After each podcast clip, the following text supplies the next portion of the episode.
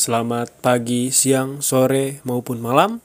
Selamat mendengarkan podcast di jalan.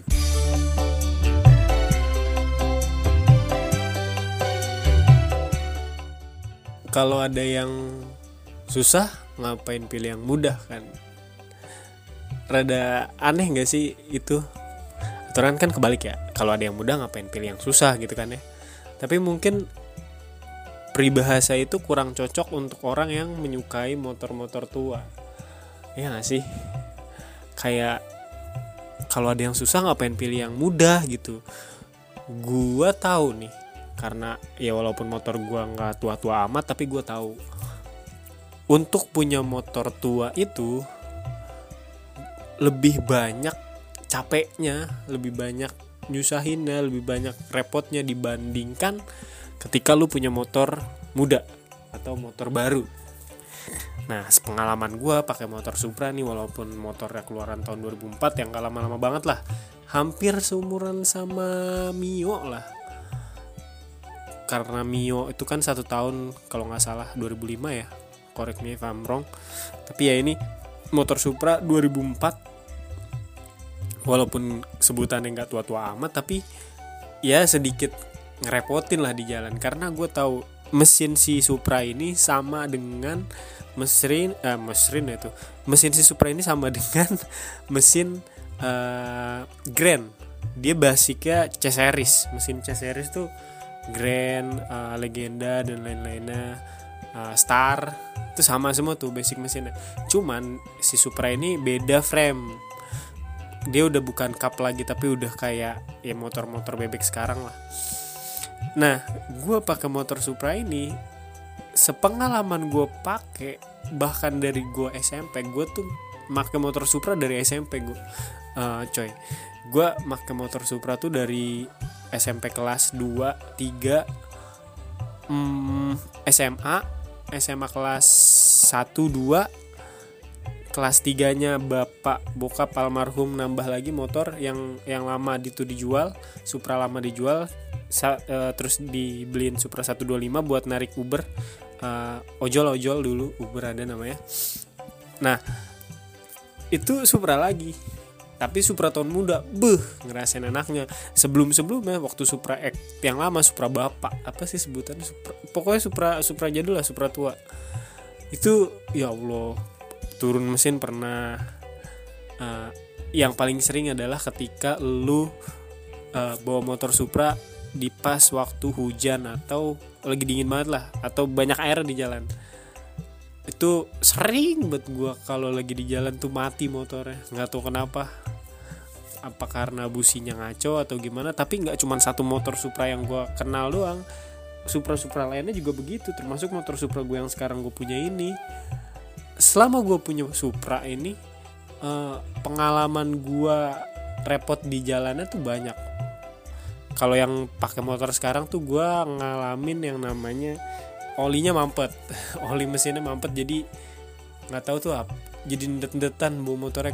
Kalau kata bengkel langganan gue sih olinya mampet. Terus juga armnya miring. Terus pernah juga sampai sekarang belum sempat dibenerin koil dari businya itu bocor pengapiannya nggak bener. Jadi motor gak, gak bisa hidup pas kehujanan di Bogor. Sampai didorong-dorong lah kalau masalah dorong tuh udah makanan sehari-hari lah. Bensin habis pernah karena indikator bensin yang gak jalan. Pokoknya macem-macem lah. Tapi yang pasti ketika lu beli motor tua gue yakin bukan cuman gue doang tapi orang lain juga ngerasain hal yang sama yaitu repotnya di jalan itu ngelebih-lebihin orang lain yang pakai motor baru atau motor tahun muda. Gue sering banget ngeliat orang gue salut banget juga nih sama sama yang bawa Vespa Vespa jadul. Gue sering banget ngeliat gitu kalau Vespa tua itu sering minggir di jalan ngebenerin sendiri sambil nandain tepong dia ditaruh di sisi jalan supaya ada yang bantuin tapi uh, terus terang gue bukan orang yang ngerti tentang Vespa jadi gue pengen ngebantuin. Tapi nggak tahu apa yang harus gue bantuin makanya gue lebih baik lewat aja daripada ngeganggu dia kerja atau ngeganggu dia lagi benerin sesuatu ya gue lewat aja. Tapi ya gitu pengguna motor tua tuh kayaknya gila mentalnya kuat-kuat banget ya. Lu bayangin ketika lu lagi di jalan lu butuh di suatu tempat pada waktu yang uh, telah ditentukan misalkan lu harus nyampe di Jakarta jam 4 ketika di jalan lu ngalamin kejadian yang gak terduga kan misalkan motor lu mati ya otomatis kan untuk nyampe di Jakartanya itu jadi lebih terlambat. Tapi itu wah gila sih. Gue nggak habis pikir kenapa orang-orang yang pakai motor tua tuh pada berani-berani banget. Kalau dipikir-pikir gue juga termasuk orang yang kayak gitu. Tapi ya gimana ya gue juga nggak ngerasain nggak ngerasain susahnya gitu karena ketika dijalanin ya elah anjir kayak misalkan motor tiba-tiba mati di jalan. Ah anjing ini motor kenapa ya mati? Ya ya udah nikmatin aja jadinya. Mau gimana lagi? Lu mau ngegerutu ya motor kagak bakalan bener. Ya satu-satunya solusi ya entah lu benerin di tempat atau ya lu dorong sampai ada bengkel kadang ya kalau emang bisa dibenerin di tempat kayak misalkan busi ya gue bantu eh, bukan bantu gue kerjain sendiri. Dan ya kalau emang bener-bener nggak bisa mentok ya gue dorong. Dan alhamdulillahnya orang-orang di jalan tuh pada baik gitu. Gue setiap gue dorong pasti ada aja yang ngebantuin gue buat nyetutin. Nyetutin tuh apa ya? Kalau yang orang awam nggak tahu tuh setutin tuh kayak lu naik motor terus lu ngeliat orang yang mogok terus lu bantu dia dorongin eh bantu orang yang mogok itu dorongin sampai ketemu bengkel. Nah cara ngedorongnya itu lu pakai kaki kiri atau kaki kanan yang ditempelin ke motor yang mogok nah lu gas motor lu. Jadi lu ngedorong motor dia pakai kaki lu. Itu namanya setut. Nah alhamdulillah gue disetut mulu tuh ketika lagi di jalan dan mogok motor gue nah kalau kayak gitu-gitu ya udah itu doang solusinya. Entah lu benerin sendiri atau lu bawa ke bengkel. Dengan segala cara lu harus nyampe ke bengkel. Dan ya kalau misalkan di posisinya ketika lu ngeliat temen lu atau pengendara lain pengguna jalan lain yang sekiranya butuh bantuan kalau lu bisa lu ngerasa diri lu bisa ya lu bantu. Dan gue salut sama orang-orang yang pakai motor tua ketika ketika ada motor lain yang motor tua gitu ya misalkan motor tua yang lain rusak misalkan Vespa gitu tuh ada tuh komunitas Vespa yang mungkin dia nggak kenal lu siapa? Lu mau gue kenapa? Kan lu nggak gue nggak ada urusan sama lu. Gue nggak kenal lu lu nggak kenal gue tapi menariknya dia bisa berhenti nanya bang kenapa motornya? Oh gila gokil. Lu yang nggak kenal saling nggak kenal gitu lu bisa negur. Dan gue pernah kayak gitu uh, ngelihat orang pakai motor Astrea Star kalau nggak salah apa apa ya? Gue lupa dah pokoknya kalau nggak salah Astrea Star Astrea Star apa Prima ya? Antara dua itulah. Di pom bensin SPBU kan temen gue ada motornya lagi dia lagi isi bensin gue nungguin kan. Kebetulan motor Supra ya lah. Siapa yang meragukan keiritan motor Supra ya kan? Ya udah temen gue ngisi bensin. Gue nungguin lah di di di dekat SPBU nya itu di dekat pom bensinnya itu. Nah gue ngeliat kan udah malam udah jam jam 11 kalau nggak salah ya waktu itu balik dari condet. Jam 11 gue ngeliat ada dua orang nih boncengan dia kayaknya. Naik motor Astrea Star atau Prima lah gitu. Ya sebetulnya Astrea Star ngoprak ngaprik ya motornya. Gue kan gak enak hati ya. Aduh kenapa nih? Ya udah gue tanya dong. Bang kenapa motornya? Ya, nggak tahu nih bang. Nggak bisa nyala kan kata dia gitu gue kan bingung ya gue harus bantu apa? Gue juga nggak terlalu ngerti. Tapi gue tahu kemungkinan besar itu masalah pengapian karena gue gak bisa jadi mekanik yang ala-ala kan. Ya udah gue akhirnya apa yang gue punya ya gue kasih ke dia. Kebetulan kalau gue miara motor kayak semacam Supra yang ya tau lah penyakitnya yang kayak gue sebutin di awal masalah pengapian di busi. Nah gue selalu stok tuh ada tiga busi yang gue stok di bagasi motor gue nah itu yang gue kasih ke dia. Jadi gue bilang bang ini mungkin businya kali bang. Gue kasih aja nih busi gue pakai sama lu. Jadi kultur-kultur kayak gitu yang gue sangat salutin sama orang-orang pengguna motor tua gitu. Dan itu gak tahu polanya gimana terbentuk sendiri loh. Gue salutnya begitu dan ya gue nggak tahu sih kalau motor bebek kenapa nggak pada tegur sapa tapi motor Vespa khususnya nih ya Vespa lagi.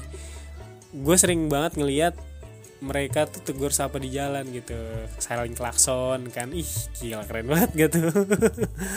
Dan dulu gue pernah pakai juga C70 punya temen gue di jalan. Nah gue diajarin sama temen gue kalau lu ketemu motor tua juga terutama C70 klakson. Oh itu asik banget asli sumpah. Ya tapi di balik asiknya itu ya ada ada ada tantangan yang harus lu hadapin. Bahwa lu menemukan lu dihadapkan kenyataan bahwa motor yang lu bawa tidak sepenuhnya atau tidak selalu motor itu dalam keadaan sehat. Sehat itu sehat maksud gue jadi ya begitu. Dan juga kalau motor tua walaupun nominal nggak gede tetap aja spare partnya tuh harus diganti-ganti terutama lu yang baru ngangkat motor atau ngangkut atau beli motor dari punya orang terus lu lu ambil gitu lu lu angkut motor itu lu beli. Tentunya banyak spare part spare part yang sekiranya ya perintilan perintilan tapi akhirnya wih gila kalau dinominalin banyak juga ya. Jadi effortnya tuh banyak ketika orang pakai motor muda atau motor baru tuh lu cuman beli hmm kayaknya upgrade upgrade upgrade upgrade rem kali ya. Kalipernya diganti kali ya. Nah kita sebagai bukan kita gua sebagai mot sebagai pengguna motor tua gua ngerasain hal tersebut sangat amat jauh. Terutama buat gue yang emang belum banyak penghasilan saat ini. Jadi ketika orang dengan pengguna motor baru itu bisa tinggal langsung upgrade atau nambahin aksesoris nah gue nggak bisa. Gue harus uh, restorasi dulu dengan motor yang gue baru angkut ini. Apa aja yang rusak? Setelah gue pakai berapa bulan motor ini apa aja yang baru berasa nih nggak enak gak enaknya itu harus harus harus dirasain lu har lu harus menerima kenyataan bahwa motor ini nggak bisa dulu ditambah aksesoris atau upgrade upgrade yang lebih keren. Tapi lebih baik lu benerin dulu lu restorasi dulu sebagaimana dia muncul sebagai wujudnya di awal ketika baru keluar publik publik itu pabrik sorry. Jadi ada tahapan yang harus dilaluin dulu sebelum lu bisa sepenuhnya menikmati motor tua lu dan di upgrade gak seenggaknya lu harus restorasi dulu servis dulu segala macam ya kayak gitu gitulah ya nikmatin aja lah. Dan mungkin buat kalian yang uh, berencana buat punya motor tua atau mulai mainin atau mulai berkendara dengan motor-motor tua kendaraan-kendaraan tua coba aja dulu deh. Gue gue cuman bilang coba aja dulu nggak perlu takut karena banyak yang bantuin di jalan.